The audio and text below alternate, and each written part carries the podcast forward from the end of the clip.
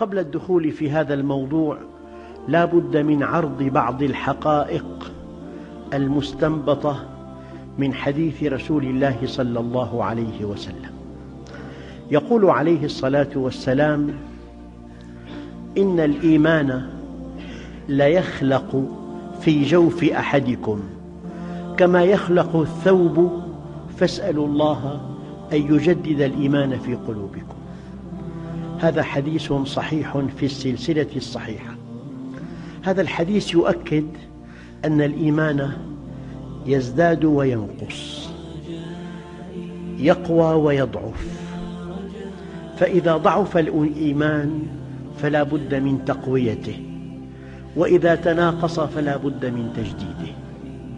الحقيقة الثانية يقول عليه الصلاة والسلام فيما رواه أبو نعيم في الحلية وهو في السلسلة الصحيحة ما من, ما من القلوب قلب ما من القلوب قلب إلا وله سحابة كسحابة القمر. بينما القمر مضيء إذ علته سحابة فأظلم إذ تجلت عنه فأضاء. المؤمن معدنه طيب. والمؤمن معرفته ثابتة. قد تأتيه سحابة صيف فتحجب عنه أحواله التي كان يسعد بها أو تحجب عنه إقباله الذي كان يطرب له. هذه السحابة سرعان ما تزول. إذا كان إيمانك متينا وإذا بني على أسس صحيحة وإذا كنت متصلا بالله عز وجل ثم فتر قلبك وضعف إيمانك فهذا الضعف عارض والأصل أنك مؤمن. فعالج هذه الحالة. أيها الإخوة الكرام الحقيقة المستنبطة من هذين الحديثين الصحيحين أن الإيمان يزيد وينقص وهذا من صميم اعتقاد أهل السنة والجماعة. فإن الإيمان كما يقال نطق باللسان واعتقاد بالجنان وعمل بالأركان يزيد بالطاعة وينقص بالعصيان. الإيمان نطق باللسان واعتقاد بالجنان وعمل بالأركان يزيد بالطاعة وينقص بالعصيان. الأدلة من كتاب الله عز وجل ليزدادوا إيمانا مع إيمانهم. أيكم زادته هذه إيمانا؟ من أدلة السنة النبوية المطهرة من رأى منكرا فليغيره بيده فإن لم يستطع فبلسانه فإن لم يستطع فبقلبه وذلك أضعف الإيمان. فالإيمان يضعف ويقوى يزداد وينقص. أيها الإخوة الكرام يعني كواقع لو أنك دخلت إلى مسجد واستمعت إلى درس علم وتفاعلت معه تفاعلا شديدا تراك قريبا ترى نفسك قريبة من الحق قريبة من الله قريبة من الآخرة. لو دخلت إلى الأسواق وفيها المنكرات وفيها الغاديات الرائحات وفيها الكاسيات العاريات وفيها البضائع براقة والأسعار مرتفعة تعود وقد شعرت بانقباض. وأنت في بيت من بيوت الله إيمانك ازداد. وأنت في سوق تجاري إيمانك ضعف.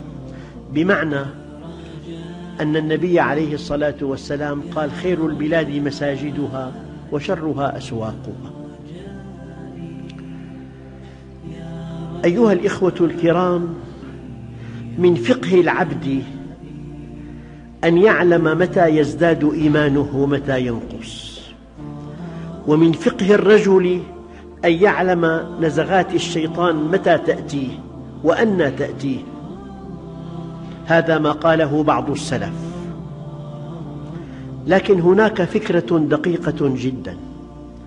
هي أن الإنسان حينما يضعف إيمانه إذا كان ضعف إيمانه قاده إلى ترك واجب أو فعل محرم فهذا ضعف خطير يجب أن يتوب منه سريعاً. وهناك حالة ضعف لا تؤدي به إلى ارتكاب معصية ولا إلى ترك واجب ديني بل تؤدي به إلى فتور يبقى على طاعته ويبقى على ترك المناهي والمعاصي. هذا يعد تراجعا طفيفا يستحب أن يسوس نفسه ويسدد ويقارب حتى يعود إلى نشاطه. وقد ورد عن الإمام علي كرم الله وجهه أن للنفس إقبالا وإدبارا فإن أقبلت فاحملها على النوافل وإن أدبرت فاحملها على الفرائض. أن يتألق الإنسان أو أن يفتر شيء طبيعي نحن ساعة وساعة. سيدنا حنظلة رآه الصديق يبكي قال ما لك يا حنظلة؟ قال نكون مع رسول الله ونحن والجنة كهاتين. فإذا عافسنا الأهل ننسى. قال أنا كذلك يا أخي انطلق بنا إلى رسول الله صلى الله عليه وسلم وقد حدثا رسول الله بما جرى فقال أما نحن معاشر الأنبياء تنام أعيننا ولا تنام قلوبنا. أما أنتم يا أخي فساعة وساعة لو بقيتم على الحال التي أنتم عليها عندي لصافحتكم الملائكة ولزارتكم في بيوتكم. يستنبط من هذا أن المؤمن بين التألق والفتور لكنه مستقيم على أمر الله مقيم على طاعته بعيد عن معاصيه. أما الضعف الذي يحملك على معصية الله أو على ترك فريضة فهذا ضعف خطير يحتاج إلى معالجة سريعة. إذا كان الضعف طارئا وكان الضعف طفيفا ففترت عزيمتك هذا ضعف يعالج معالجة هادئة بسيطة. أما إذا كان الضعف خطيرا حملك على معصية أو حملك على ترك طاعة فهذا ضعف يحتاج إلى معالجة إسعافية. أيها الإخوة الكرام هؤلاء الذين ينكرون قلوبهم وقد قست بسبب ضعف إيمانهم يبحثون عن علاج خارجي. علاجكم في أيديكم. علاجكم في أنفسكم. علاجكم في الإقبال على ربكم. علاجكم في تلاوة القرآن في ذكر الله عز وجل في لزوم المساجد في حضور الجمعة والجماعات. أيها الإخوة الكرام بعد هذه المقدمة التي تؤكد أن الإيمان يزيد وينقص وأن الإيمان يتألق ويفتر لا بد من بيان بعض أسباب تقوية الإيمان. أول أسباب تقوية الإيمان تدبر القرآن العظيم الذي أنزله الله جل وعلا تبيانا لكل شيء ونورا يهدي به سبحانه من شاء من عباده ولا شك أن فيه علاجا عظيما لأن الله عز وجل يقول وننزل من القرآن ما هو شفاء ورحمة للمؤمنين. ما هو شفاء؟ يعني أمراض الجسم أيها الإخوة تنتهي عند الموت. أكبر مرض أخطر مرض مرض خبيث مرض عضال ينتهي عند الموت. ولكن أمراض القلوب تبدأ بعد الموت. ويشقى بها إلى أبد الآبدين. فلا بد من أن نقرأ القرآن لأنه شفاء لنفوسنا. أيها الإخوة الكرام كان عليه الصلاة والسلام يتدبر كتاب الله ويردده وهو قائم بالليل حتى إنه في إحدى الليالي قام يردد آية واحدة من كتاب الله وهو يصلي لم يجاوزها حتى أصبح.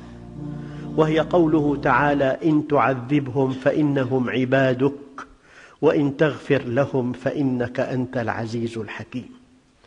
نبينا الكريم تلا هذه الآية طوال الليل أو في قيام الليل.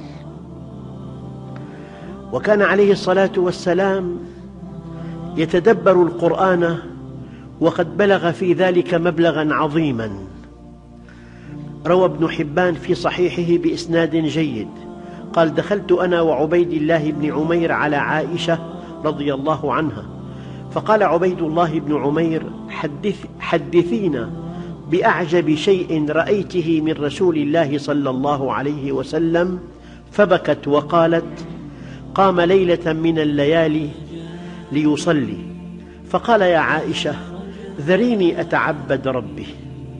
قالت قلت والله إني لأحب قربك وأحب ما يسرك. قالت فقام فتطهر ثم قام يصلي فلم يزل يبكي حتى بل, بل حجرة ثم بكى فلم يزل يبكي حتى بل الأرض وجاء بلال يؤذنه بالصلاة. فلما رآه يبكي قال يا رسول الله تبكي وقد غفر الله لك ما تقدم من ذنبك وما تأخر. قال أفلا أكون عبدا شكورا؟ لقد نزلت علي الليلة آيات ويل لمن قرأها ولم يتفكر فيها وهي إن في خلق السماوات والأرض واختلاف الليل والنهار لآيات لأولي الألباب الذين يذكرون الله قياما وقعودا وعلى جنوبهم ويتفكرون في خلق السماوات والأرض ربنا ما خلقت هذا باطلا سبحانك فقنا عذاب النار. Música